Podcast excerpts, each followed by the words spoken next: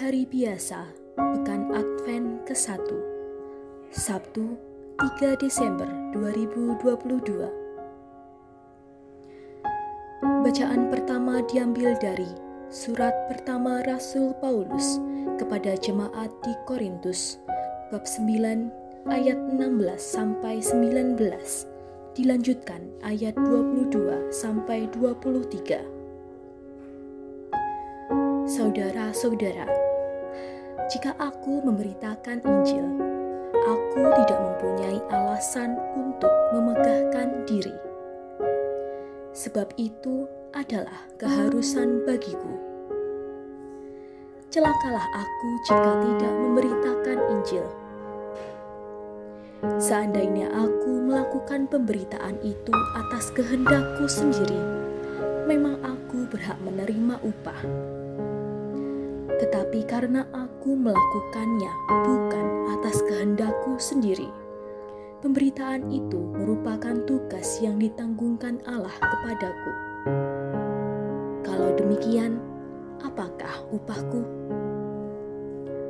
Upahku ialah bahwa aku boleh memberitakan Injil tanpa imbalan, dan bahwa aku tidak menuntut hakku sebagai pemberita Injil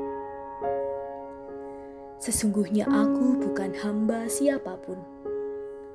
Meskipun begitu, aku menjadikan diriku hamba semua orang, supaya aku boleh memenangkan sebanyak mungkin orang.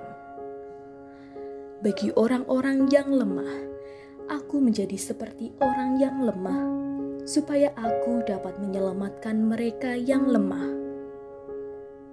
Bagi semua orang, aku telah menjadi segala-galanya supaya sedapat mungkin aku memenangkan beberapa orang dari antara mereka. Segala sesuatu ini aku lakukan karena Injil, supaya aku mendapat bagian di dalamnya. Demikianlah sabda Tuhan. Bacaan Injil diambil dari Injil Markus bab 16 ayat 15 sampai 20. Pada suatu hari, Yesus yang bangkit dari antara orang mati menampakkan diri kepada kesebelas murid dan berkata kepada mereka, Pergilah ke seluruh dunia, beritakanlah Injil kepada segala makhluk. Siapa yang percaya dan dibaptis akan diselamatkan, tetapi siapa yang tidak percaya akan dihukum. Tanda-tanda ini akan menyertai orang-orang yang percaya. Mereka akan mengusir setan-setan demi namaku. Mereka akan berbicara dalam bahasa-bahasa yang baru bagi mereka mereka akan memegang ular.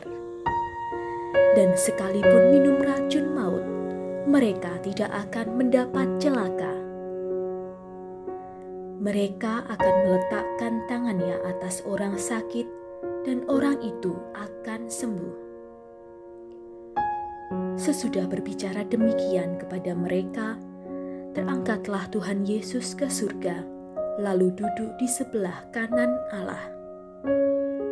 Maka pergilah para murid memberitakan Injil ke segala penjuru. Dan Tuhan turut bekerja dan meneguhkan firman itu dengan tanda-tanda yang menyertainya. Demikianlah sabda Tuhan.